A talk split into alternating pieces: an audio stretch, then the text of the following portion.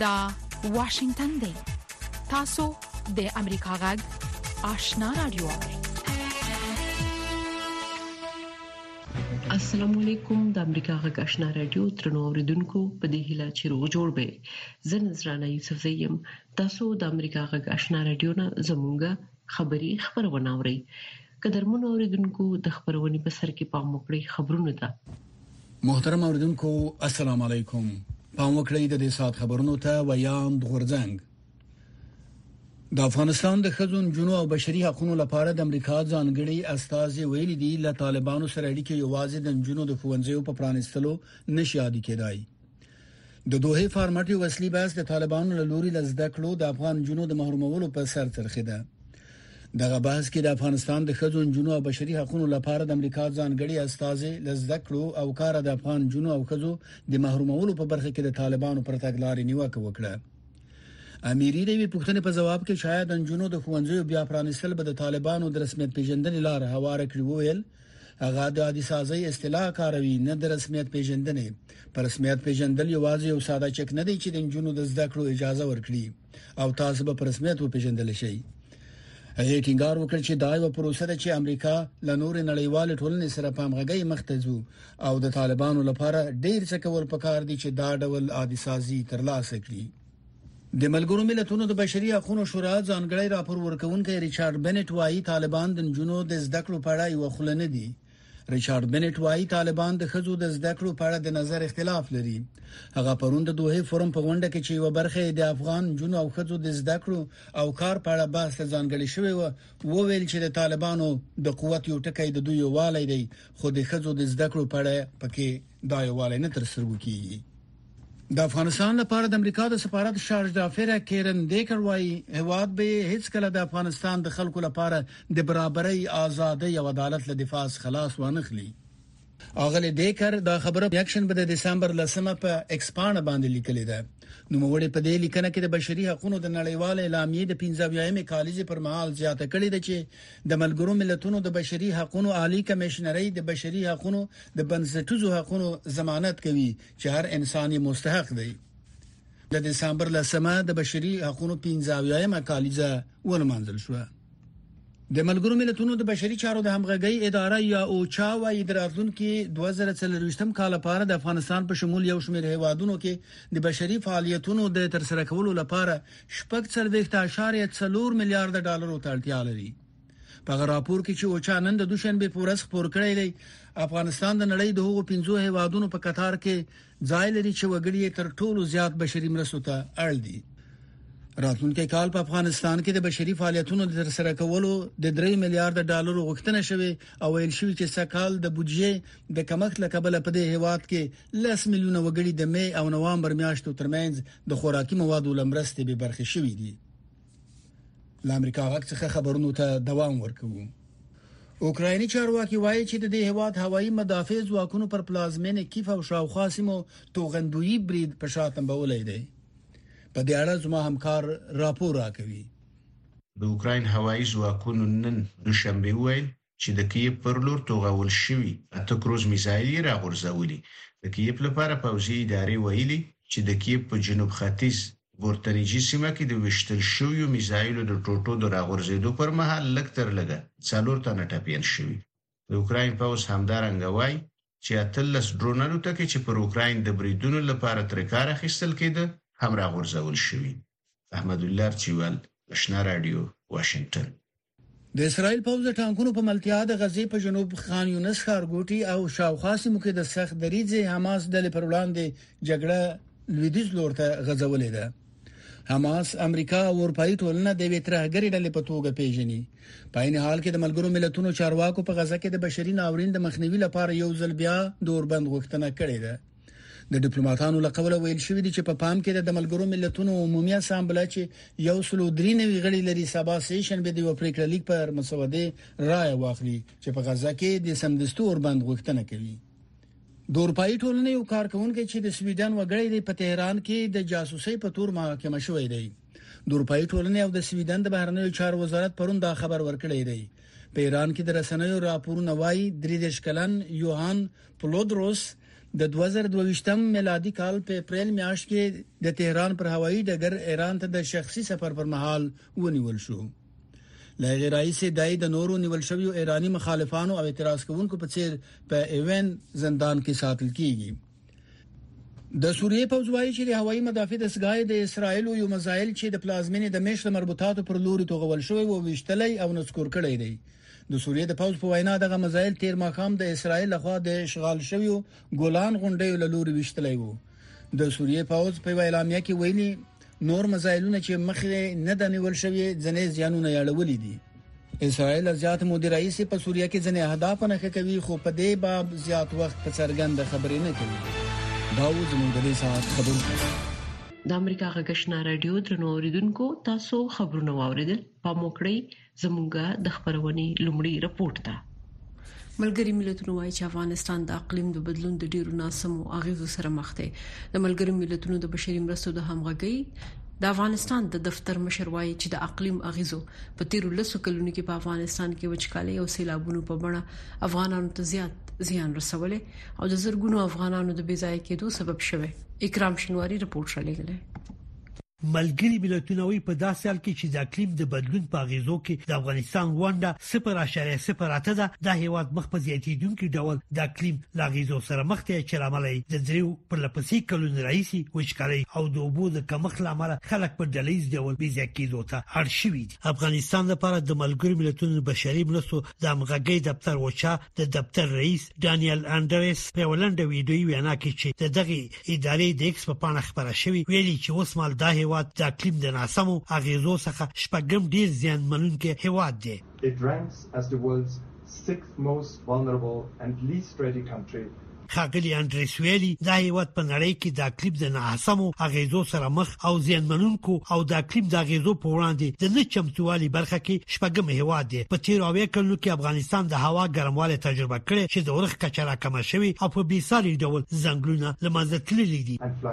د ملګرو ملتونو د انکشاف ادارې د یو راپور لمخې په افغانستان کې د اقلیم د بدلون غیزې د وچکالۍ سیلابونو او په لوړه کچه د هوا د ګرمېدو په بڼه راڅرګندېږي دغه ادارې ویلي چې د 1950 کال راهیسې د افغانستان حرارت کې 1.8 سانتي ګراډ زیاتوالی راغلی دی د ملګرو ملتونو د انکشاف ادارې ویلي چې د اقلیم بدلون د نورو اغیزو سربېره په دغه هیواد کې 2.3 میلیونه کسان د اوبو په لټه کې خپل مینو پرې خودو ته اړ کړی دي د اوچا د افغانستان د دفتر رئیس هم وایي چې دغه سختو د موسمي پیښو د طبي ناورینونو د غیس کچه په دوامدار توګه زیاته کړې ده لاک Scale displacement has also been seen from rural northern. ښاغلي انډریس وویل، په شمال او لویدیځو ښاري سیمو ته په پراخه کچه بېځای شوې کورنۍ د هوا د ګرمښت او اوبو په لټه کې ورغلي دي، همداشان د کرهنې څخه په ترلاسه کېدونکو معیشت باندې چې په کلیوالو سیمو کې پرې تر اویا فیصده پورې خلک متکی دي هم اغیزه کړې ده کرنیز حاصلات کم شوي دي د ملګرو ملتونو دغه چارواکي د معلوماتو لومخي روان 2023م کال درې پر لپسې کال دی چې افغانستان د وچکالۍ په سیر وضعیت سره مخ دی سو مې شي زمخه دغه هوا ډیر کلی د سیلابونو لامل ویجل شوی وو خاګلی انډریس هیله خو دلی چې د متحده عرب اماراتو کې د اقلیم د غیزو کانفرنس تنظیمونکي به په نړۍ کې د اقلیم د غیزو څخه زیات ځلمن شوی وادو ته پاملرنه کړي ځکه چې د اقلیم بدلون د اغیزو څخه د دغو هیوادو وګړي یو ځای کړيږي او مخکې له دې چې ډیر ناوخته شي د اقلیم اغیزو د کمیدو لپاره همدا اوس ډلیز اقدام وکړي د افغانستان د چاپیریال ساتنې متخصصین هم په افغانستان کې به وخت او روختونه او سیلابونه د اقلیم د اغیزو د بیلګو په توګه یادې او چې دا هیواد دغه اغیزو د کمیدو په برخه کې د نړیوال ټولنې مرستو ته اړتیا لري متحده عربي اماراتو په دوبۍ ښار کې د اقلیم د بدلون په اړه د ملګرو ملتونو د کلالۍ غونډې د جوړېدو وروسته چې پکې د طالبانو حکومت اساس یو ته د ګډون بلنه نه ورکړ شوې دغه حکومت ویلي چې په دغه غونډه کې دغه حکومت اساس ګډون به په افغانستان کې د اقلیم د بدلون د غیزو کمیدو سره مرسته وکړي د کابل پانتون د چاپیریال ساتنې د پوزي رئیس داوود شیرزاد وایي چې په افغانستان کې وګړه جګړه او د شتو زیرمو نه مدیریت پر دغه هوا د اقلیم د بدلون اغیزې لا پراخه کړي ښاغلی شیرزاد پر افغانستان د اقلیم د بدلون د اغیزو علتونو په اړه وایي چې په خپل دغه هیواد جغرافیاوي موقعیت او هم د اوږدې جګړې لامل د شتو منابعو نه مدیریت د دغه اغیزو د پراخېدو سره مرسته کړې ده د اقلیم نړیواله غونډه د نوامبر په 10مه د متحده عربي اماراتو دوبۍ ښار کې د دوه ورځې لپاره پیل شوې ده په دې غونډه کې د نړۍ یو سلوونی وی هیوادونو څخه شاوخوا اتیا زره کارپوهان راغونډ شوي دي د بدلون پر مهال کله چې د نړۍ وضعیت څرګند نه وي او کله چې اوریدل ل عیني واقعیتونو سره سمون نه خوري موږ په حقیقت پسې ګرځو کله چې موږ ته د یو موضوع یوازې یو اړخ بیانېږي نو باور بایلو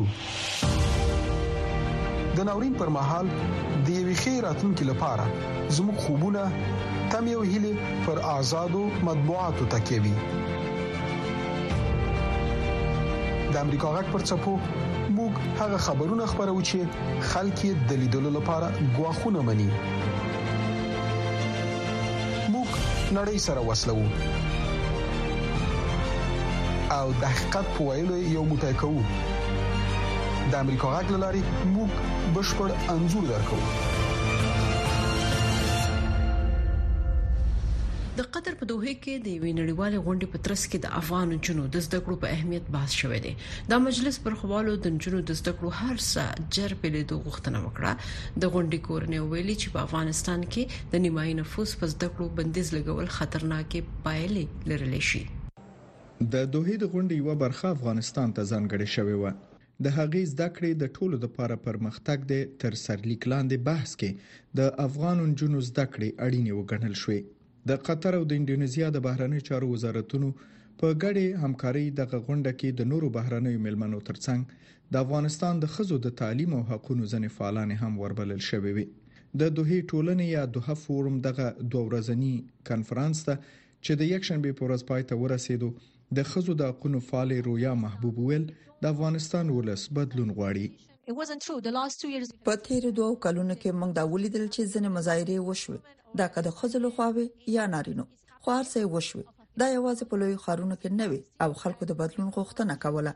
د خځو د توانمندۍ په اړه د خلکو ذهنیت په بدلیدو دی هغوی غواړي لونی او خويندې ښوونځیو ته لاړې شي او زده کړو ته دوام ورکړي د دې غونډې کوربانې سویلې باټیبو په خپل افتتاحیه وینا کې ویل د یوې ټولنې د نیمایي نفوس په زده کړو بندیز لګول خطرناکې پایلې لرلی شي. د افغانستان د ښوونې او روزنې پخوانۍ وزیري رنګینې حمیدي د نجونو په زده کړو او د ښځو پر فعالیت محدودیتونه زیات شوي یاد کړل، خو ویې په ټپه ولاړ نه دي. دا په دې معنی نه ده چې د ښځو ژوند بند شوی یا پرمختګ بند شوی، خو هو، فضا تنګه شوې، نور محدودیتونه هم لګېدلي چې موږ د دوه زره یوویشت کال د اګست میاشتې مخکې نه لیدل. په بریټانیه کې میشته سیاستواله او د خزو د حقونو فعاله پایمانه اسد وی په افغانستان کې د نجونو په زده کړو د بندیز په تړاو د ډیرو اړخونو په ژبه کې بدلون ښکاري په کلام کې بدلون د افغان نجونو او هلکانو راتلونکي ته د خطر ښکارندوی کوي دوه خبرې پکې یادې شوې چې یوې ویل طالبان باید قانع کړل شي چې د نجونو پر زده کړو بندیز لري کړي او بل ویل کېدل چې د طالبانو بدیل نشته هر څومره چې چارواکي دې تصور ته دوام ورکوي چې طالبان د زده کړو په برخه کې متحد نه دي پروا نه لري دا مبارزه د افغانستان د زړه روح او راتلونکو لپاره ده د مبارزې مقصد زده کړې دي نه یوازې د جنونو لپاره بلکې د هلکانو لپاره هم د دغه مبارزې لپاره متحد شي طالبانو په 2021م کال کې واک ته د بیا رسیدو وروسته د افغانستان د خزو په زده کړو کار او سیاسي فعالیت او مشارکت باندې بندیزونه ولګول ملګرو ملتونو دا بندیزونه غندلي او د لری کېدو غوښتنه کوي خو طالبان دا د افغانستان داخلي مسله ګڼي او وایي چې د شریعت په اساس نجونو ته حقونه قایل دي په همدې غونډه کې د خزو په چارو کې د امریکا د بهرنیو چارو د وزارت استاذي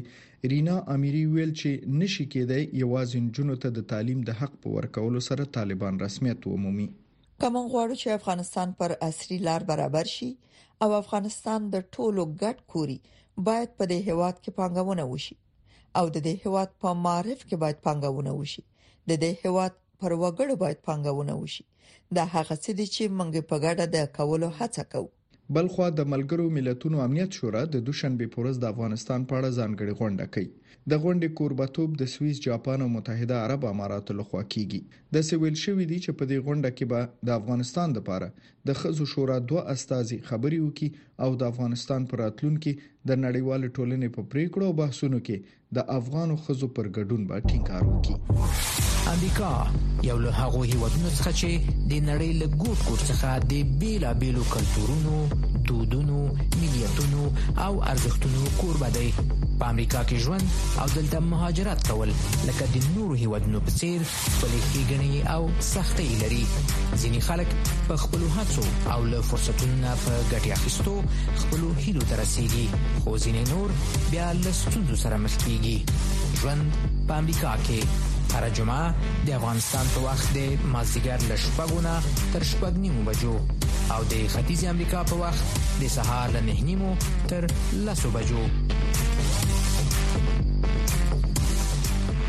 په داسې حال کې چې پاکستان بې اسناده کډوال خپل هیواد ته امنیتي ګواښ بولي او په زرګونه کډوال یې تر دې دمه په زوره شړلي، دې هیواد کې داسې نجونې او میرمنې هم دي چې افغانستان کې د جدي خطر څخه د خوندیتوب په موخه راکډوالې شوي، له دې جملې نه یوه هم سلګۍ احساس ده، سلګۍ په افغانستان کې خبریاله چې اوس پرته له اسنادو پاکستان کې بې باوره راتلونکې سره مخ ده، نور حال د موسکا ساپۍ په دې رپورټ کې اورئ.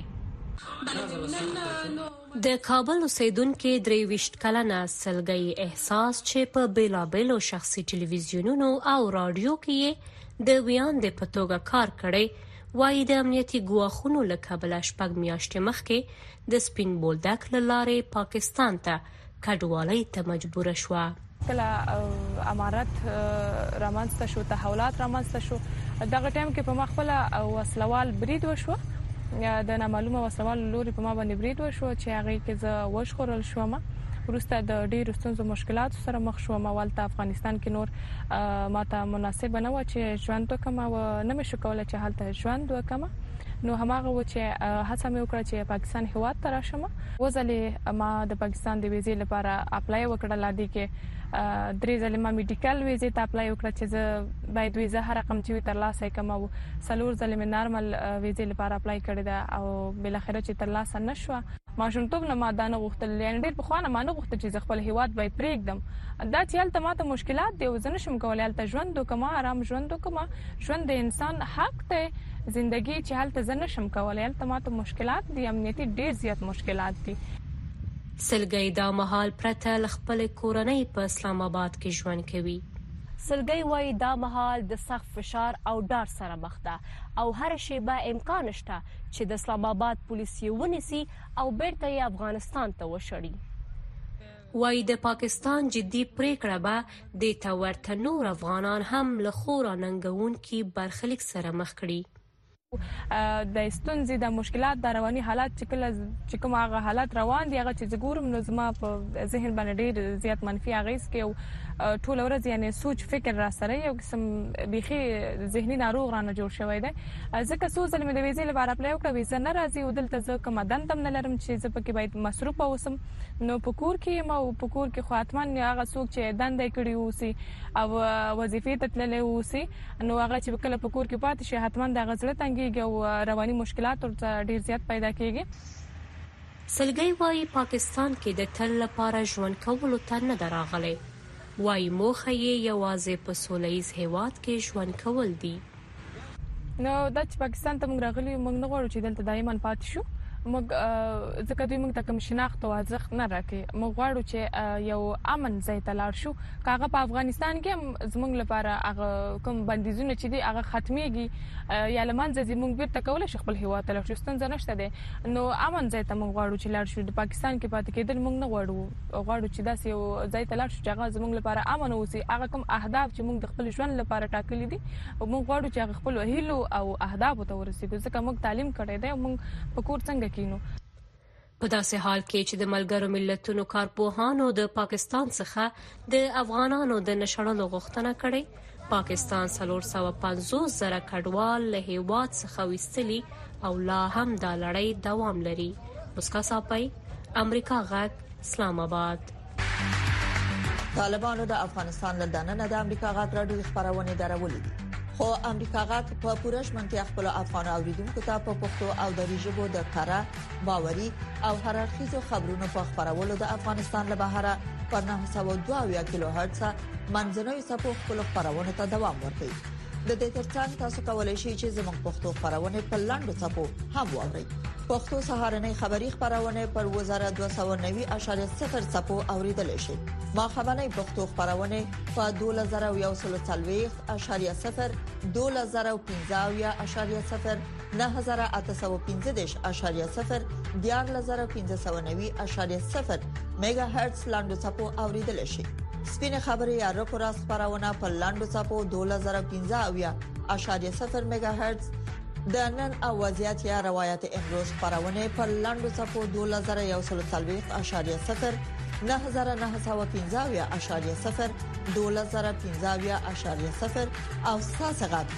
یا صداي شما خبرونه پر لاندو صفو 2513.0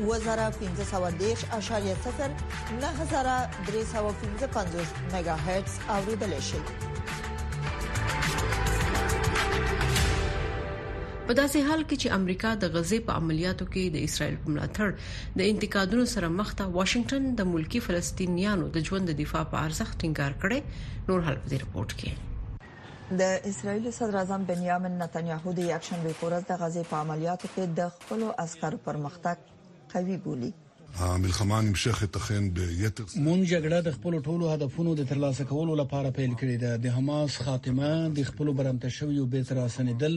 او د غزې نه اسراییل ته متوجه ګواښ د تل لپاره له منځه وړل زموږ مرام دی. د اسرایل صدراعظم د ملګرو ملتونو امنیت شورا د هغې پریکړې په ویتو کولو د امریکا نه مننه کړې ده چې هدف فوري اوربند وو د امریکا د بهرنیو چارو وزیر د امریکا د دې پریکړې په دفاع کې ویلي تر هغه چې حماس فعال وي او د اکتوبر د ومه د برید د تکرار فکر ورسره نو دا مسله به هم د څه تکراری بلینکن اسرائیل سره د ملاتړ او د وسلو د ورکړې د دریز ترڅنګ دا هم ویلي دي چې دا هرڅه به شرط نه دي هغه ویلي چې اسرائیل باید د خپل عملیاتو په وخت د نړیوال بشري قانون درناوی وکړي بل خو په دوحه کې د یوې نړیوال غونډې په ترڅ کې د اسرائیل سره د امریکا د ملاتړ شدیده غندنه او مخالفت خودل شوې ده It's not up to Israel only دا خبره یوازې اسرائیل پورې محدوده نه ده بلکې هغه پورې هم تړلې چې اسرائیل ته د فلسطینیانو د وژلو مکمل واک ورکړی دی د ملګرو ملتونو عمومي منشي هم په دې غونډه کې وینا کې وویل چې د بشري مرستو د دوام لپاره باید چې اوربند اعلان شي همدارس د روغتیا د نړیوال سازمان مشر هم د غزې په تړانګه کې د خلکو د روغتيي حالت په اړه سخته اندېښنه خوده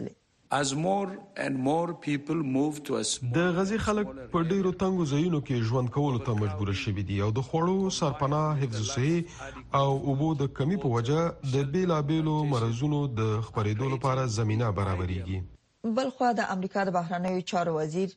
د سپټمبر 11مه د دوشنبه ورځ د نړیوال مذهبي ازادۍ د ټولنې امریکایي غړو سره ویني نوموړي د نمخکې یوې تلویزیونی مرکه کې ویلي و چې امریکا اسرائیل ته په ټینګار سره ویلي چې د حماس خلاف جګړه کې د فلسطیني ولس ژوند ته بشپړ درناوی وکړي. موږ تر اوسه کوشش کوو چې د غزې ولس ته بشري مرستې ورسېږي او هڅه کوو چې د انساني مرګ ژوبلې کچه تر اخري حده کمه واوسي. بلخوا ملګري ملتونه به د سه شنبې په ورځ په خپله بېړنۍ غونډه کې غزې کې د اوربند په اړه یوه بله پرېکړه باندې رایګیري وکړي. دا پرېکړه هغې طرحې ته ورته ده چې تیره اونۍ د امنیت په شورا کې امریکا ویتو یا رد کړي او ناکام شو نو شاباش نه امریکا غږ ملګرو ملتونو دوشنبه د بشري ناورینونو د نړۍ په بیلابیلو برخو کې د متضررو شو خلکو لپاره د 2.3 میلیارډ ډالر بسپنې غوښتنه کړې نور حال په دې رپورت کې اوري د تیرې پنځشنبه پر ورځ د ملګرو ملتونو د مرستو د همغږۍ د چارو مشر مارټین ګریفیتس په یو خبري غونډه کې ویلي چې روان کال په ټوله نړۍ کې 300 میلیونه خلک مرستو ته اړتیا لري د ګریفیتس په وینا دا خلک د لانجو اقلیمي تغییراتو او اقتصادي فاکتورونو له امله متضرر شوي دي په دوه زره څلورویشتم کال کې به ټوله نړۍ کې درې سوه میلیونه خلک مرستو ته اړتیا ولري. دا شمېرې له هر هغه هېواد چې ملګري ملتونه او د ملګرو ملتونو بشري ادارې پکې کار کوي څخه د راټولو شویو شمېرو پر بنسټ محاسبه شوې دي. د دغو هېوادونو د خلکو اړتیاوو ته په کتلو او د اړمنو خلکو د شمېرو پر بنسټ لیستونه جوړ او بیا څېړل شوي دي. په دغو محاسبو کې دې ته کتل شوي دي چې کوم خلک اړمن دي پر همدې بنسټ د اړمنو خلکو شمېر درې سوه میلیونه وګړو ته رسېدلی دی. د ملګرو ملتونو د شمېرو له مخې، هغه خلک چې په راروان کال کې مرستو ته اړتیا لري، په هغو کې د افریقا د لویې وچې د ختیځو او جنوبي برخو څه د پاسه څلور اویا میلیونه وګړي هم شامل دي. اکثریت دا خلک د سوډان له ناورین څخه متضرره شوي دي. ښه له دې امله د غزې او لویدیځې کنارې په ګډون په ټوله کې منځنی ختیځ زیاتو مرستو ته اړتیا لري خو اوکراین له یو سخت ژمي څخه تیریږي اوکراین له یو داسې جګړې چې را روان کال به هم دوام وکړي پکې ښکیل دی اوکراین به زیاتو مرستو ته اړتیا ولري د ملګرو ملتونو د بشري مرستو د همغږۍ مشر ویلي، چې د سور صلیب د نړیوال سازمان او د هېوادونو د سرې میاشتو ټولنو له خوا غوښتل شوې مرستې د ملګرو ملتونو له خوا په غوښتل شویو مرستو کې نه دي شامل. محمدالله ارچیوال، اشنا تلویزیون، واشنګټن. درنو اوریدونکو دا دی اوس به یوه سرمقاله واورئ چې د امریکا د حکومت نظر څرګندوي د دسمبر د میاشتې لسمه نیټه د نړیوالو بشري حقوقو ورځ ده دغه نیټه چې د ملګرو ملتونو د عمومي انسمبلې لخوا انتخاب شوې ده د قبلولو احترام وشي په معاصر تاریخ کې یو د ډیرو بانفوذو اسنادونه ده د بشري حقوقو جهاني علامه اوس د دغه سند پنځه اویایم کال دی د دوهم نړیوال جنګ له پیښو نه ناڅاپه په منسته راځي دا د انسان د نه بیلیدونکو حقوقو لومړی نړیواله څرګندونه وه د ملکی نفوسو په خلاف ناوړه ډارونکي جنایتونه مرتکب شوي وو د ملګرو ملتونو عمومي اسمبلې بې له ځنډ نه د جهاني بشري حقوقو د یو لړ کودونو په باره کې کار کول پیل کړل. آخري سند په دې وعده باندې ولاړ دی چې ټول انسانان آزاد او د حقوقو په حیثیت کې برابر زیږېدلي دي، په داسې حال کې په لومړۍ ماده کې په ښکاره توګه څرګنده شوې ده دغه اعلامیه چې په نولس سوه پنځوسم کال کې تطبیق شوه، د بینالمللي حقوقو د قانون پرمختګ ته الهام ورکړ. همدغه راز د بشري حقوقو بینالمللي قانوني لایحې ته اوس د بشري حقوقو اعلامیه د نړۍ ډېر تعریف شوی سند دی. د نولس سوه پنځوسم کال نه راپدېخوا د ډسمبر د میاشتې لسمه نېټه د بشري حقوقو د ورځې په حیث په کلنۍ توګه لمانځل کېږي او د دې لپاره چې د ملګرو ملتونو د دغه مهم بریالیتوب یادونه شوې وي په خوارۍ سره په دې وخت کې درې کاله زوړ دی په دغه ورځ باندې د سولې نوبل جایزه په رسمي توګه د دغه کال وړونکو ته ورکړل شوه او هر کال څارونکي د بشري حقوقو بېلابېلو اړخونو ته وقف شوي دي. د روان کال موضوع په راتلونکو کې د بشري حقوقو د کلتور پیاوړي کول او تصدیق کول دي. د بشري حقوقو په ورځ او د بشري حقوقو په هفته کې موږ د هغه مقدس نظر یادونه کوو او ټینګار ورباندې کوو چې هر انسان برابر پیدا شوی دی. جمهور رئیس بایډن په یوه لیکل شوې وینا کې وویل چې هر انسان په ذاتي حیثیت او نه بیلیدونکي حقوقو چمتو شوی دی. دغه نظر د امریکا د تاسیس کولو په مرکز کې و. او جمهور رئیس بایدن ویل اوس دغه نظر د زرګونو خلکو په زړونو کې غورځيږي چې د طبي ازادۍ لپاره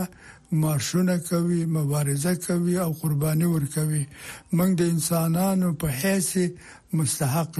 په درسته نړۍ کې لچین نه نیولې تر برما پورې له افغانستان نه نیولې تر ایران پورې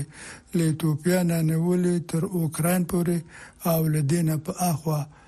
زړور خلک د قدرت نه د سرغړونو په خلاف ودرېږي او برسېره پر نورو شیانو د دوی ژوند ته د ګواښونو په مقابل کې ودرېږي او د دوی د اساسي ازادیو د سرغړونو په خلاف خبرې کوي امریکا د هغو زړورو ښځو او نارینه وو سره په بشپړ توګه ولاړه ده چې د ځپلو او بې عدالتۍ په وخت کې د خپلو اساسي بشري حقوقو لپاره مبارزه کوي او موږ به تل ورسره ولاړ یو درنو اوریدونکو دا و د امریکا غږ سر مقاله چې د امریکا د حکومت نظر څرګند قدرمن اوریدونکو تاسو د امریکا غږ آشنا رادیو نه زموږه خبری خبرونه واوریده